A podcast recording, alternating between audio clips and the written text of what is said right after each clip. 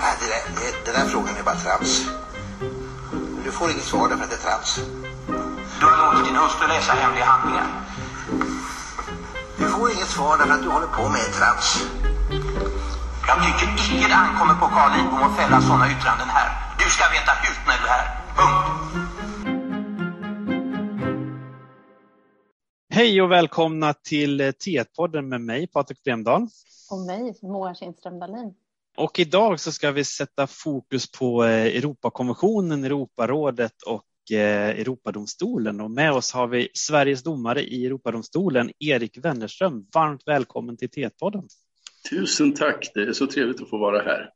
Vi tänker att vi börjar med att du får presentera dig, vem, vem du är och hur du har hamnat där du är idag. Det är, eh, jag har frågat mig själv samma sak och det börjar nog med ett, ett intresse för världen i stort och för språk. Eh, ovanpå det hamnar sedan ett intresse för juridiken. Också kom ganska tidigt, det var strax efter min militärtjänst. Jag studerade i USA och insåg att juridik tycks vara verktyget Eh, som man använder för att bygga samhällen och göra förändringar i samhällen, både nationellt och internationellt. Och det tyckte jag var väldigt intressant. Så juridik fick det bli så småningom. Ehm, och eh, jag hade... Eh, jag jobbade under studietiden en hel del, bland annat som amanuens. Och började också tätt in på studierna och undervisa i offentlig rätt i Uppsala. Vilket, eh, det behöver jag inte säga till er hur roligt det är. Eh, men men det, det, jag hittade mer och mer mitt område. Jag ska säga också att vid sidan av det så var jag aktiv i Uppsala FN-förening. Där kom världen igen. Så offentlig rätt, juridik som verktyg att förändra och, och eh, det ledde så småningom till en, en, en karriär som började på, på UD och eh, sen tog mig vidare till EU-kommissionen i Bryssel när Sverige blev EU-medlem.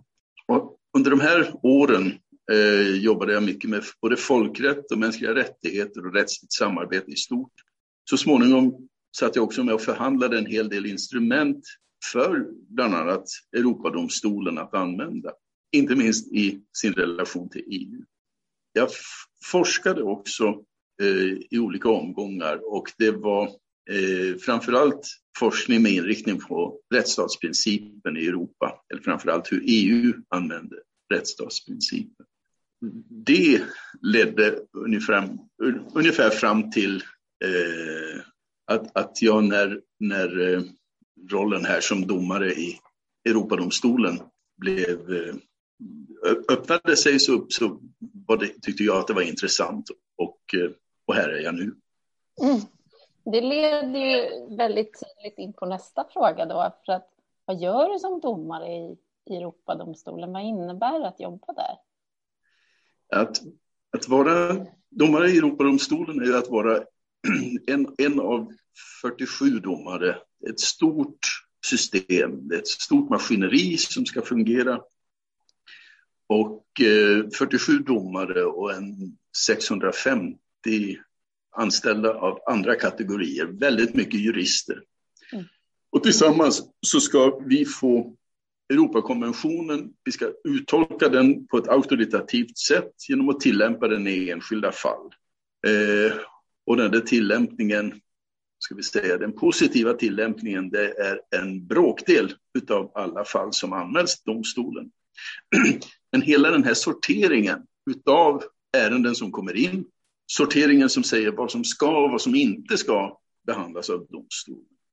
Det är också en, en av de viktigaste funktionerna domstolen har. Så det är inte bara avgörandena i sig, mm. utan det är hela processen. Mm. Processens, att, att, det finns en process hela tiden, vare sig den spottar ur sig eh, prejudikat av olika slag eller om den avvisar ansökningar och avslår ansökningar eh, så är den eh, hela tiden viktig att hålla igång. Och i den, det maskineriet så eh, är jag en av de 47 domarna som, som, som medverkar i beslutsfattandet. Så det är ni 47 domare som gör sorteringen också så att säga? Eh, vi, eh, en del av sorteringen sker redan innan det når oss. Mm.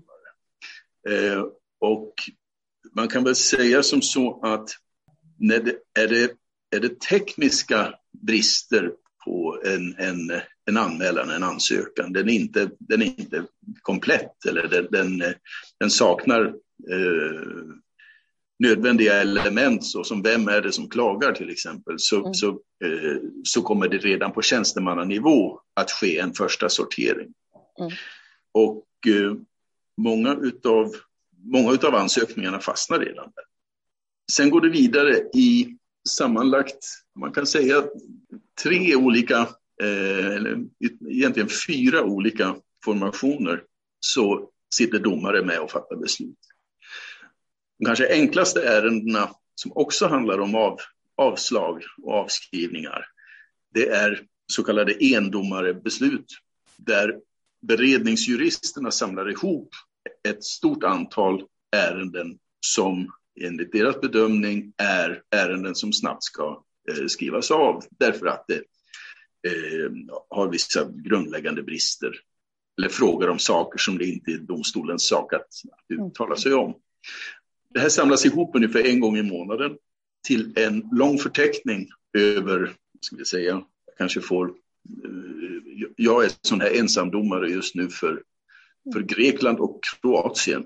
Eh, och det brukar generera kanske en 30-40 ärenden i månaden som kommer på en sån här endomare eh, lista med eh, ärenden som rekommenderas för avskrivning eller avslag. Och eh, jag får gå igenom de här ärendena och eh, väldigt ofta delar jag juristernas bedömning och skriver då under som domare. Eh, tar jag ansvar för att det är korrekt att, att, att skicka tillbaka dem. Mm. Då och då gör jag en annan bedömning och lyfter upp ett sådant ärende och vi behandlar det som, som ett, ett korrekt inkommet ärende som ska uh, bli föremål för fler domares ögon än mina. Mm. Uh, så ser det ut i början på sorteringen. Mm. Uh, jag ska inte fördjupa mig längre. Nej, men vad spännande. Jag tänker just det här 47 domar, det är ju väldigt många, inte vad en svensk domstol består av direkt. Men hur kommer ni överens? Hur går det till? Sitter alla domare i alla mål eller hur gör man det här? Det är en mycket bra fråga. Nej, man kan väl säga att de 47 domarna är indelade på eh, fem olika sektioner eller avdelningar skulle man kanske kalla det i svensk nomenklatur. Ehm, och eh, de här avdelningarna ansvarar sen för olika eh, upptagningen från olika länder. Och då försöker man göra som så att man, fördel, man skapar de här avdelningarna så att det blir en balans mellan avdelningarna och ärendeinflödet. Vi har ungefär ett tiotal länder som genererar eh, kanske 75 procent av alla anmälningar som finns i hela systemet. Så tekniken är att fördela de här högproducerande länderna mm. jämnt mellan de fem sektionerna så att arbetsbördan blir ungefär densamma så att alla ärenden kan få ungefär lika mycket domartid. Eh, och det lyckas man med. Man får justera om vartannat, vart tredje år kanske. Men eh, så försöker man hantera det hela. Så att vi är ett, runt ett tiotal eh, domare på varje sektion. Så det är den krets som eh, har överläggningar med varandra för det mesta. Då och då möts vi i så kallade storkammarmål, men det är väldigt sällan. Det är formationer på 17 domare när vi eh, fattar beslut om, om vägledande avgöranden. Mm. Men det, det, det hör inte till vardagen. Men du använde uttrycket här högproducerande länder. Vad är det ja. för några länder och vilka är de? Ja, det är, eh, ska vi säga, det, vi, vi har, vi har eh, vår målbalans eh, just nu är eh, runda slängar 65 000 eh, anmälningar. Och eh, av dem kommer en femtedel från Ryssland, en femtedel från Turkiet, eh, 16 procent från Ukraina och 11 procent från Rumänien. Och sen blir det mindre och mindre eh, bitar eh, bland de 47 länderna som får skicka ärenden till oss. Men där, där har du egentligen den, den stora bulken. Att man kan väl säga att Ryssland, Turkiet, Ukraina och Rumänien eh, tillsammans står för eh, över 60 procent utav mm. alla anmälningar som kommer in till domstolen. Så där, där, är tekniken för management av domstolen då att man inte lägger de länderna på en och samma sektion, utan de måste spridas ut för att vi ska kunna hantera den. Mm. Ja, Sverige då? Har vi någon procent eller är det få ärenden från Sverige? Det är väldigt få ärenden från Sverige, så jag, jag, jag tror inte det kommer upp till någon procent ens. Eh, av de här, de, de, senaste tre åren har det kommit in runt 200 anmälningar om året mot Sverige. Och eh, de senaste två åren så har, eh, så har inget av de, de eh, inkommande ärendena gått vidare till eh, en, en, eh, en kammare för avgörande, utan det är ärenden som oftast sorteras bort eller avvisas eh, på ett tidigare stadium. 2020 eh, så hade vi eh, 174 nya anmälningar mot Sverige. Eh, med, tillsammans med sådana som låg i balans så förklarades eh, 177 stycken avskrevs av en sån här ensamdomare, som då är någon annan än jag. Eh, man får inte ta de ens, ensamdomarbesluten mot sitt eget land. Eh, och eh, så de flesta åkte ut igen. Mm. Men man blir nyfiken på vad det handlar om. Vad klagar svenskarna på? Eh, man kan väl säga som så att det är Europadomstolens roll är ju att är inte att vara en fjärde instans i förhållande till de nationella rättsordningarna. Det vill säga, det är inte en möjlighet till sedan tre instanser har tittat på olika fakta som har lyfts fram i den nationella processen. Eh, även om många, man, man har friheten att välja att se den som det, men eh, domstolen är enligt min mening inte inrättad för att fylla den rollen och det skulle nog de flesta eh, hålla med mig om det, det gör att, och de, de flesta ärenden som, som eh, avskrivs härifrån, de är vad vi kan kalla för fjärdeinstans eh, eh, klagomål. Det vill säga någon är egentligen inte missnöjd över innehållet i, den, i Europarätten eller i den svenska rätten, utan snarare med utfallet i, den senaste, mm. i det mhm. senaste avgörandet i Sverige. Det är där skon klämmer snarare än att det var något fel på själva systemet. Vår uppgift är att titta på saker som, som rör där Europakonventionen ska tillämpas, där det finns ett, ett, ett, ett, ett systemfel som eh, Europakonventionen säger ska rättas till. Mm. Och eh, dit är det väldigt sällan de här svenska anmälningarna eh, når upp. Nej, jag förstår. Men, men när blir det riktigt svårt då? Har du varit med om något någon situation när ni har svårt att komma överens när det, när det väl kommer till en prövning så att säga av domstolen?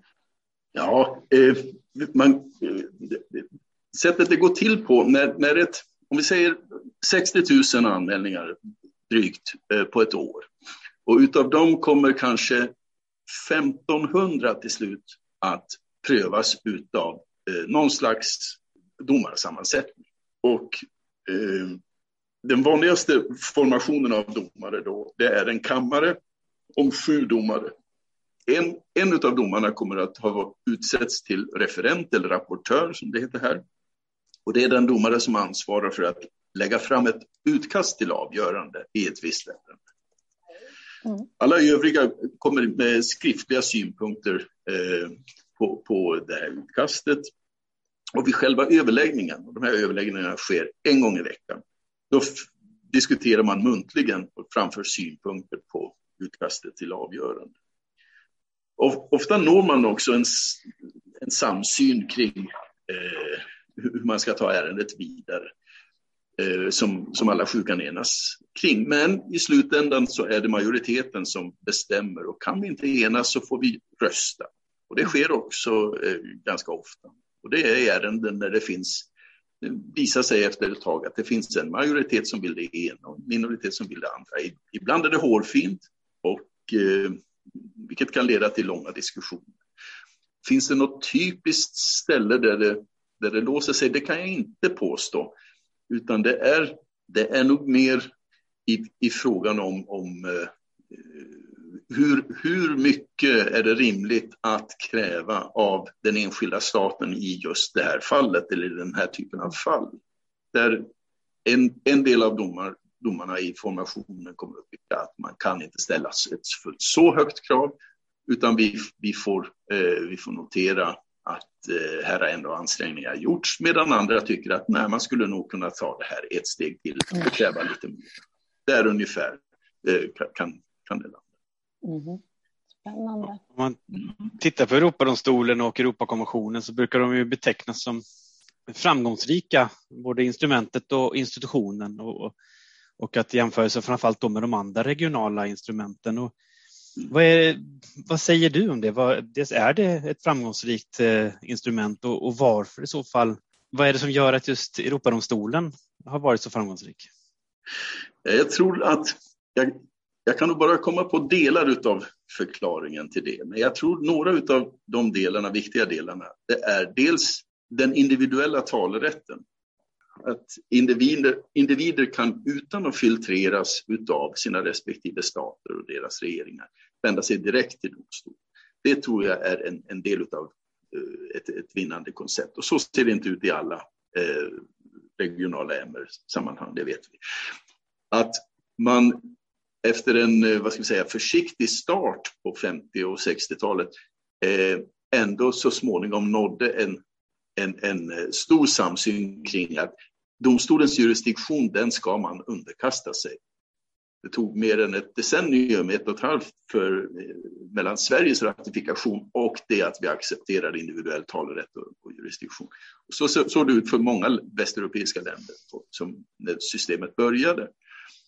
Men sen, sen i samband med att eh, eh, järnridån föll och kommunismen försvann på 90-talet så inlämnades ett stort antal länder från framförallt Central och Östeuropa. Och I samband med det då ställde man krav på till exempel, ska, ska ett land som vill vara med i Europarådet måste skriva under eh, Europakonventionen och mm. underkasta sig jurisdiktionen och accepterar den individuella talarrätten. Så där fick man liksom en, en, eh, en, en hävstångseffekt eh, som, som nog var viktig för det här framgångsreceptet. Det är en del av förklaringen, men, men eh, vi ska, vi ska, man ska bara man ska komma ihåg att vi har, eh, domstolen har varit verksam under väldigt lång tid. Mm. Eh, det här är ingenting man, man snyter ur näsan, utan det här är eh, något som måste få växa fram organiskt för att bli framgångsrikt. Och vi har, många omständigheter har gjort att det här, det här, eh, den här skapelsen har blivit framgångsrik. Den här rättighetskulturen som man, man hör om helt enkelt. Ja, precis. Och hur, men, hur är följsamheten då? Länder som blir fällda i i Europadomstolen. Betalar de skadestånden? Ändrar de sina lagar? De här högproducerande länderna, är de högproducerande för att de inte rättar sig eller är det andra skäl som ligger bakom det? Eh, jag tror så här, det, eh, när man ser framgångshistorien som Europadomstolen är så måste man ha det långa perspektivets glasögon på sig den, den otålige kommer alltid att vara besviken när det gäller hur rättsstaten byggs eller försvaras. Eh, följsamheten är inte 100 procent, men den är mycket stor. Och eh, av alla ärenden som domstolen avgör på ett år så är det endast en bråkdel som hamnar i övervakningssystemet för verkställighet. Den som vill kan, eh, det här är rätt intressant, jag kan inte fördjupa mig i det, men den som vill kan gå in på domstolens hemsida och se det här. Där det finns eh, väldigt landprofiler, inklusive på Sverige, som berättar hur många ärenden fastnar i verkställighetsfasen och eh, hur ser det ut? Mm. Jag vill minnas att det för Sverige handlar om ett eller två Eh, och för vissa högproducerande länder så kan det vara uppåt en 30 stycken som fastnar. Det är ändå långt ifrån alla ärenden som avser även det högproducerande landet. Eh, du har rätt i, i, i, i antagandet i din fråga att betala skadeståndet, det är nog oftast det enklaste. Att medge att det har blivit fel någonstans. Mm. Att förändra systemet sen, ja, det, det kan vara betydligt knepigare och det är ju inget som sker över en natt. Och det är här jag tror att man måste, eh, man måste ändå se på eh, de högproducerande länderna. Och ni minns vilka det var, det är länder som medan vi tog, från svensk sida tog flera decennier på oss att anpassa oss och vårt system till eh, Europakonventionssystemet så eh, styrdes de här länderna fortfarande av fruktansvärt auktoritära system. Mm. Eh, den tid de har haft på sig att göra motsvarande vandring, ja, det är inte... Vi, vi har haft betydligt mer tid än så på oss. Så att eh, jag tycker ändå att det, det har varit framgångsrikt också med verkställigheten. Även om den inte är hundraprocentig som sagt.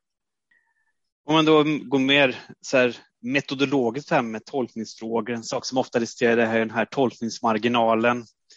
Eh, och en del kritiserar den för att ge svängrum mot vissa länder och så vidare. Och sen har vi det här med samhällsutvecklingen, det är en dynamisk, ett levande instrument pratar man om som ska följa med Ehm, och så vidare. Vad, vad kan du berätta om de här? Hur liksom går ni tillväga när ni ska avgöra en fråga? Hur, hur bestämmer man hur stor tolkningsmarginalen ska vara? Vad, vad ligger bakom de här orden?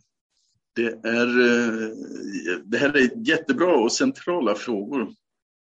Och eh, viktigt att ha i bakhuvudet hela tiden eh, vad vi har domstolen till. Eh, som jag var inne på tidigare och det är Eh, som jag ser det är det för att skapa rätt, inte nödvändigtvis skapa rättvisa. Eh, vi ska producera rätt som eh, och tolka Europakonventionen och visa staterna och deras domstolar hur de ska tillämpa konventionen när de skapar rättvisa. Och det det är eh, i det häradet som de här tolkningsskolorna eh, också växer fram. När det gäller utrymmet för eh, margin of appreciation, det vill säga staternas eh, utrymme, så är det eh, ju inte en generell tolkningsprincip som säger att, att eh, staterna får begränsa vilka rättigheter som finns och har fritt utrymme för det. Utan det är ju eh, det finns inom vissa områden där det i själva beskrivningen av rättigheterna i konventionen står att staterna får begränsa dem under vissa omständigheter. Det är i de situationerna som vi i rättspraxis försöker slå fast hur stort är det där utrymmet att inskränka en viss rättighet. Och eh, eh, det finns på de flesta av de här områdena vägledande prejudikat från oss eh, och så länge staten i fråga håller sig inom det område som vi har stakat ut som här får man, rättigheterna är inte absoluta utan det finns utrymme att begränsa. Håller man sig inom det området kan det inte bli fråga om ett eh, konventionsbrott när man begränsar rättighet. Tar vi till exempel avvägningar mot nationella säkerhetsintressen eller sedlighet och moral det brukar vara eh, utrymmen där vår rättspraxis regelmässigt ger staterna ett ganska stort utrymme att själva avgöra hur mycket är det rimligt att eh, inskränka en befintlig rättighet. Egendomsskyddet likaså. Där brukar det också finnas, eh, för, för, att eh, säkra andra intressen i samhället eh, så är det okej okay att inskränka den fria rätten till sin egendom. Andra tolkningsprinciper, Europakonventionen skrevs för 70 år sedan och det har därför utvecklats en tolkningsskola som säger att den ska ses som ett levande instrument, den ska följa med sin tid och det gör den genom det sätt som Europadomstolen tolkar konventionen. Ibland får vi revidera eh, delar av eh, konventionen, men oftast sker det genom, genom rättspraxis. Eh, det brukar kallas för den dynamiska konventionen, det levande instrumentet som följer med samhällsutvecklingen mm. och, och rättsutvecklingen i konventionsstaten. Och det är nog eh, också en del av framgångskonceptet att, att eh, konventionen och domstolen försöker följa med sin tid. Något som är intressant och, och eh, när vi tittar på vi kommer säkert att växla några ord om, om förhållandet till EU så småningom, så är något, något som är intressant som tolkningsteknik så är det sökandet efter en befintlig eller framträdande europeisk konsensus kring olika frågor. Mm. Eh, och det här gäller framförallt vid intresseavvägningen mellan den enskildes behov av skydd och andra samhällsintressen. Till exempel hälsa, ganska relevant just nu. Men också, ja, verkligen. Ja. Eh, och här eh, är det så att det finns en framväxande samsyn inom Europa kring var en sån här avvägning ska landa. Ja, då bör det vägas in i när domstolen tar ställning i enskilda frågor.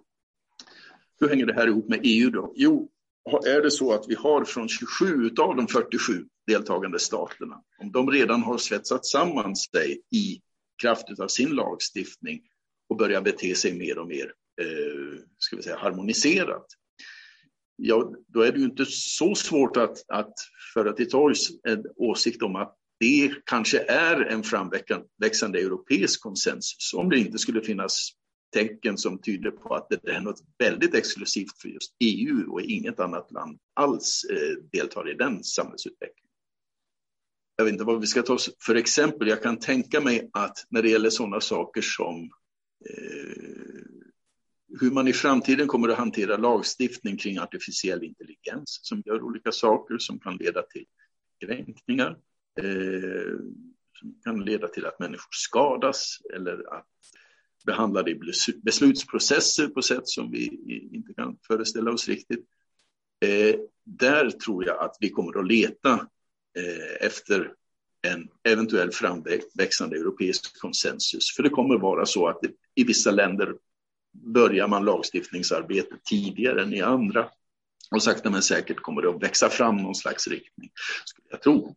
Så kan, kanske inte jag får se, men du tar ju upp något jätteviktigt som vi också skulle vilja diskutera. Det är just relationen mellan EU och Europarådet eller EKMR som vi pratar om nu. Och tyvärr på vår kurs första terminen på juristprogrammet så finns det ju en del studenter som fortfarande råkar blanda ihop Europarådet med andra råd inom, inom EU.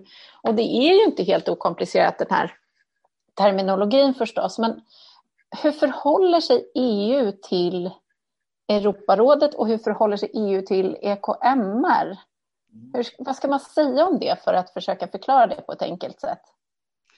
Jag, jag, jag, jag, förstår frustrationen, och, eh, jag, men jag, ljuset i, i den tunneln är möjligen att det, frustrationen kommer att bli mindre på sikt eftersom det finns en stark ambition av att ansluta EU till Europadomstolen och Europakonventionen. Men fram till dess så kommer det att finnas en del, en, en del frågetecken. Eh, det, finns, det finns redan idag en, eh, ett förhållningssätt från vår domstol till saker som sker i, i EU. De här dyker inte upp eh, som, som blixtar från klar himmel utan de kommer helt enkelt till oss genom att 27 av våra medlemsstater är EU-stater och måste också rätta sig efter EU-lagstiftningen. Och ibland tangerar den här EU-lagstiftningen frågor där det uppstår eh, potentiella konventionskränkningar. Och då måste vi förhålla oss till båda delarna, även om vi som domstol inte kan sitta och pröva om EU-rätten eh, stämmer eller, eller så. Det finns det en annan domstol. Men sedan eh, nu ska vi se, mitten av, slutet av 90-talet så finns det ett avgörande från vår domstol som, eh, som kallas för Bosforus. Det handlar om, om sanktioner mot företag som eh, gjorde affärer, eh, transporterade saker till eh, dåvarande Jugoslavien som i olika krig höll på att falla samman i sina beståndsdelar. Och eh, i den så kallade Bosforusdoktrinen så säger vår domstol att det, det finns en presumtion när det gäller EUs rättsliga eh, samarbete att det rättighetsskydd som finns i det samarbetet kommer, får antas vara sådant att det, det uppfyller de krav som vårt system ställer. Mm.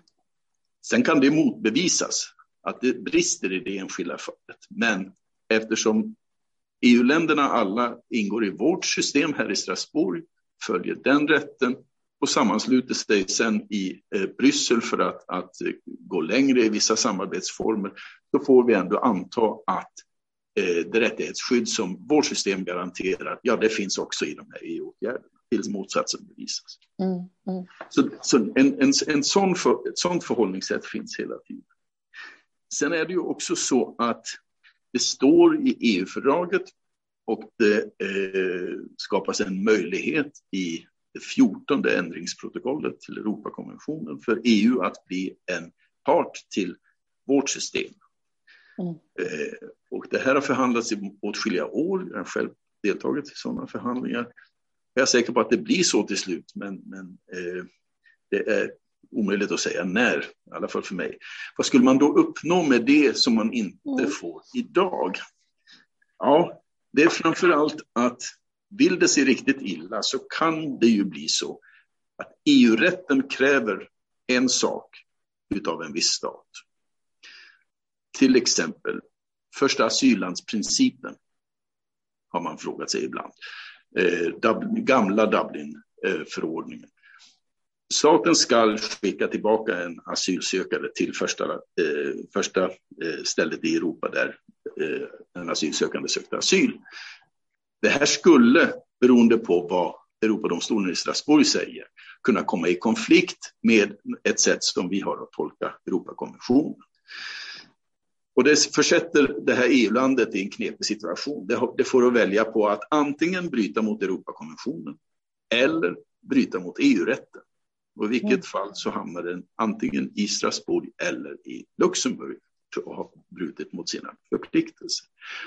Den situationen vill ingen ska finnas. Systemet självt är som regel allergiskt mot den typen av motsägelser. Mm. Eh, och det brukar vara något som känns i varje fiber på eh, de flesta jurister.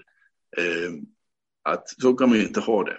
Och det är bland annat för att råda bot på den risken, den lilla men ändå befintliga risken att den där situationen skulle kunna uppstå som gör att det är nödvändigt att ansluta EU till Europadomstolen. Då skulle vi justera den här hierarkin så att det hela tiden finns ett, ett avgörande som trumfar över det andra i slutändan. Mm. Vad är det som hindrar det då? Vad är det som gör så att säga, det är 27 länder, 47 i, i Europarådet, så det finns en majoritet här då. Så vad, var, varför händer det här inte? Eh, det, det, är, det är nog återigen så att det finns många svar på den frågan. Det, det vi vet hittills det är att de 47 staterna och de 27, inklusive de 27 på EU-sidan, förhandlade under många år och eh, tog fram ett utkast till anslutningsfördrag som skulle få det här att ske. Eh, det här anslutningsfördraget underställdes EU-domstolen i Luxemburg för ett, eh, ett yttrande och det yttrandet eh, utföll eh, negativt och sa mer eller mindre att på basis av det här utkastet så kan inte domstolen rekommendera att någon anslutning sker. Så man fick lov att göra ett omtag. Ska vi säga det här omtaget, det kommer ungefär samtidigt i tid när andra saker börjar hända i EU. Så som att eh, ett stort medlemsland plötsligt vill lämna unionen medan det i två andra medlemsstater eh, uppstår andra typer av rättsliga utmaningar eh, inom EU-systemet. Jag tror att politiken på det viset har, har eh, gjorde det svårt att hantera också ett omtag i en så viktig fråga som att ansluta EU-systemet till, till Europadomstolen. Så därför har det tagit Eh, så pass mycket tid att det ser ut som en paus. Men eh, det här har jag eh, numera ingen insikt i så att jag får kalla det en judiciell killgissning. ja, men det är ju uppenbart att det är lite, lite knepigt kanske politiskt också att, att vara i den världen som du befinner dig kan jag tänka mig. Att man får vara lite försiktig som jurist med att göra för tydliga uttalanden om det ena eller det andra. Uppfattar jag dig rätt då? Det är helt riktigt. Det är helt riktigt. Mm. Ja, vi hade en annat tema lite om, om rättsstatsprincipen. Vill du ta över Patrik innan vi går över till några andra typer av frågor? Ja, precis. Och det, det är en bra brygga från det vi precis pratade om eh, och, och till, till, det som du kanske jobbade med innan du hamnade i Europadomstolen så att säga med, med som du nämnde tidigare, tidigare då i början om det här med rättsstatsprincipen inom, inom EU och inom Europarådet. Och det är också ett tema vi har på kursen eh, där vi pratar mycket om, om om rättsstat som begrepp och om rättsstatsprincipen inom EU eh, och Europakonventionen med Venedigkommissionen och, och EUs eh, rättsstatsram och så vidare. Eh, och, och, precis som du var inne på här så finns det ju vissa länder i Europa som utmanar, utmanar de här principerna på olika sätt. Och hur hanterar man det eh, inom både dina erfarenheter från EU, det säga vad har EU för vapen eh, och, och också inom Europarådet. Hur, hur kan man agera mot de här länderna som, som ganska eh, uttalat bryter mot eh, grundläggande rättsstatsprinciper som, som både Europarådet och EU är överens om? Det här är, eh, det här, det här är ju knepig både juridik och politik som pågår just nu. Eh, men jag kan väl säga som så att när det gäller från, från en rättslig horisont så är det väl framför allt, det, det, finns redan en stor samsyn kring vad rättsstatsprincipen kräver av olika system. Mm. Och jag tycker eh, EU och Europarådet börjar mer och mer eh, låta ganska lika, börja sjunga samma, från samma, samma verser när det gäller vad kännetecknar eh, rättsstatsprincipen. Och mycket av det kokar ner till eh, oberoendet hos domstolssystemet. Mm. Inledningsvis när, när, när, när rättsstatsprincipen utmanas så, så, så vet de flesta inte riktigt var man ska ta vägen. Hur ska man angripa det här? Från vilket håll ska man ta tag i det man tycker sig se som eh, på något sätt hotar system? Mm. Men efter ett tag så eh, dyker de konkreta ärendena upp eh, först här i Strasbourg, men sen också i Luxemburgdomstolen. Eh, och här hos oss handlar det om eh, rätten till en rättvis rättegång, det vill säga artikel 6 i Eh, Europakonventionen. Något vi har utvecklat en, en, en rik rättspraxis på ända sedan, ja, åtminstone mitten av 90-talet, sedan Golder versus UK-fallet, eh, så finns det en, en ständigt växande rättspraxis på vad innebär det att ett stat har ett oberoende rättsväsen. I EU-fallet så har man fått börja långt senare i samband med att eh, stadgan för grundläggande rättigheter trädde i kraft och började användas. Där det finns en motsvarande artikel 47 i stadgan om rättsväsendets oberoende i de fall där Eh, staten i fråga tillämpar EU-rätt. Men det gör ju staterna eh, ganska ofta. Mm. Det som växer fram med frågan eh, egentligen är eh, alla stater, både i EU och i Europarådet, har gjort uttryckliga formella garantier att man ska respektera rättsväsendets oberoende. Det, det, har man underkastat sig sådana normer i form av konstitutionella garantier. Och det fler och fler rättsfall sedan de här utmaningarna började dyka upp koncentrerar sig på, det handlar om personen som sitter med det här ansvaret i domstolen. Det vill säga utnämningen eh, och, och, och eh, exekutivens band till personen som har fått det dömande mandatet. Mm. Det får inte se ut hur som helst. Det finns en gräns som till slut kan passeras när personer som, som, som, som har fått det här uppdraget inte längre kan sägas kunna hantera det på ett sätt som är eh, oberoende i, eh, i Europarättens bemärkelse. Där någonstans tror jag vi står idag. Och det kommer, det har kommit avgöranden från vår domstol, det kom ett så sent som eh, två veckor sedan i, i eh, Zeroflor eh, mot Polen eh, som handlade om just doms, domarutnämningar till eh, författningsdomstolen. Eh, det har kommit motsvarande eh, Eh, åtminstone sett interimistiska avgöranden från Luxemburgdomstolen när det gäller inrättandet av en kammare för disciplinärenden mot domare i Polens högsta domstol. Hur förhåller det sig till eh, artikel 47 i stadgan och så vidare. Så det är där någonstans man hittar rättsstatsfrågan i eh, de förändringar som sker i en del stater just nu. Så spännande att, att, lyssna på dig, Erik. Det finns ju så många ytterligare frågor man vill ställa, men, men tiden rinner lite grann ifrån oss.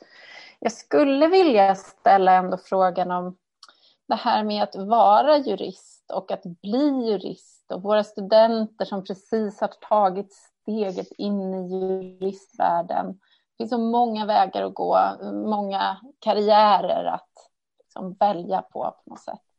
Vad, vad skulle du vilja säga till studenterna? Vad, vad, vad, kan du skicka med dem här i början av utbildningen? Hur tycker du de ska tänka? Det är väl en, en, det är egentligen två saker. Eh, något jag själv inte hade klart för mig. Eh, jag gick nog igenom hela juristutbildningen utan att ha det klart för mig. Det är om, om du är en processperson eller en ärendeperson. Eh, kräver din, din inre frid att du när arbetsdagen eller arbetsveckan är slut kan lägga ett antal akter som du har arbetat med i utkorgen eller skicka till arkivet och känna att det är avslutat. Om du vet det, då kan du ganska lätt räkna ut ett antal yrken som inte kommer att ge dig den tillfredsställelsen. Att arbeta med rättsstatsfrågan i Europa är en av dem. Du kommer att lida alla helvetets kval, eh, för kravet på tålamod är så stort. Å andra sidan så kan jag eh, eh, samtidigt rekommendera domarvärvet för där kommer du att avsluta en massa ärenden, även om det inte påverkar de stora principerna varje dag, så kommer du att hantera en massa ärenden och finner du tillfredsställelsen i det, ja, då, då, då, då kan du också ringa in en del eh, eh, yrken som nog kommer att passa dig där. Om du å andra sidan är helt processinriktad, det vill säga eh, hotet mot klimatet är inget som skrämmer dig att gå i närkamp med, även om du inser att det kanske aldrig kommer att lösas, eller om det kommer att lösas så kanske det är dina barn eller barnbarns generation som kommer att stå för lösningen. Förhoppningsvis går det snabbare, men, men du får nog vara beredd på att den, it's, the, it's the long haul. Eh, men det kanske inte stör dig. Och då vet du det om dig själv. Att det är processen, att delta i den, att sätta ner din fot ett tag i det där vattnet som rinner och sen ta upp den igen. Eh, om det inte ger dig starka aversioner, ja då vet du det också att en förhandlingsprocess är viktigt i sig. Det behöver inte leda till avslutet mitt framför ögonen på dig. Processen i sig är viktig. Sådana saker önskar jag att jag hade vetat, för då hade jag kunnat fatta en del beslut. Den, den andra saken, ja. förlåt, det säger du. Nej, jag tänkte bara säga att akademin kräver definitivt att man är en processperson. Jag tycker det var ett fint uttryck. Eller hur? Eller hur? Jo, eh, om man är nyfiken på internationellt arbete, då måste man nog ha studerat och fortsätta studera språk. Eh, det krävs ett nationellt och ett internationellt perspektiv och en nyfikenhet på hur man gör i andra länder. Och en förståelse, en ödmjuk förståelse för att det svenska sättet kanske inte nödvändigtvis uppfattas som mainstream eh, eller ens särskilt begripligt av, av betraktare från andra länder. Jag tyckte, jag kommer tillbaka till det, amanuenstjänsten var en, en väldigt, väldigt bra start på min karriär måste jag säga. Både vad avser forskningsmiljö och myndighetsperspektiv. Ska jag ge något råd? Vill man syssla med det här så söks sommarjobb och annat strategiskt och ta kurser utomlands. Bygg ditt CV så att det vittnar om en erfarenhet som är större än den svenska. Och framförallt så, så att det är begripligt för någon som inte känner. Väldigt konkret och värdefullt. Har du något annat sådär tips om stress? Du verkar ju vara en extremt högpresterande person. Inte bara processperson som jag lite grann läser att du kanske mest är nu för tiden. Mm. men, men hur hanterar man den här enorma arbetsbelastningen som du ändå måste ha? Finns det någonting um, man kan säga om det? Det är, jag kan jag säga något klokt om det? Eh, nej men det är, eh, man, får, man får väl, det handlar lite grann om, om att välja sina strider. Jag, jag, jag, skulle i, jag, jag, skulle kunna kasta mig in i alla dessa anmälningar som passera mitt bord och försöka förbättra texten en smula på alla beskrivningar och, och, och rätta till lite grann där i marginalen och lite grann där och kanske lägga till ett, en, en referens till ytterligare ett prejudikat där. Men jag får nog hushålla med mina resurser. Jag, jag tror det var den franska domaren eh, och förhandlaren Badinter som, som, som vid något tillfälle sa välj, välj sällan men välj bra. Och när du har valt, backa inte. Väldigt bra. Jag tror vi nästan får låta det vara slutord. Väldigt klokt. Eh, allting du har sagt och så spännande som jag sa innan. Det är många saker jag skulle vilja veta mer om. Vi får, vi får fortsätta ta en podd nummer två kanske någon gång i framtiden. Jag är så tacksamma för att du tog dig tid, Erik. Verkligen. Med största nöje. Tusen tack. Och stort tack till alla er som har lyssnat eh, och eh, ja, lycka till med fortsatta studier. Tack och hej.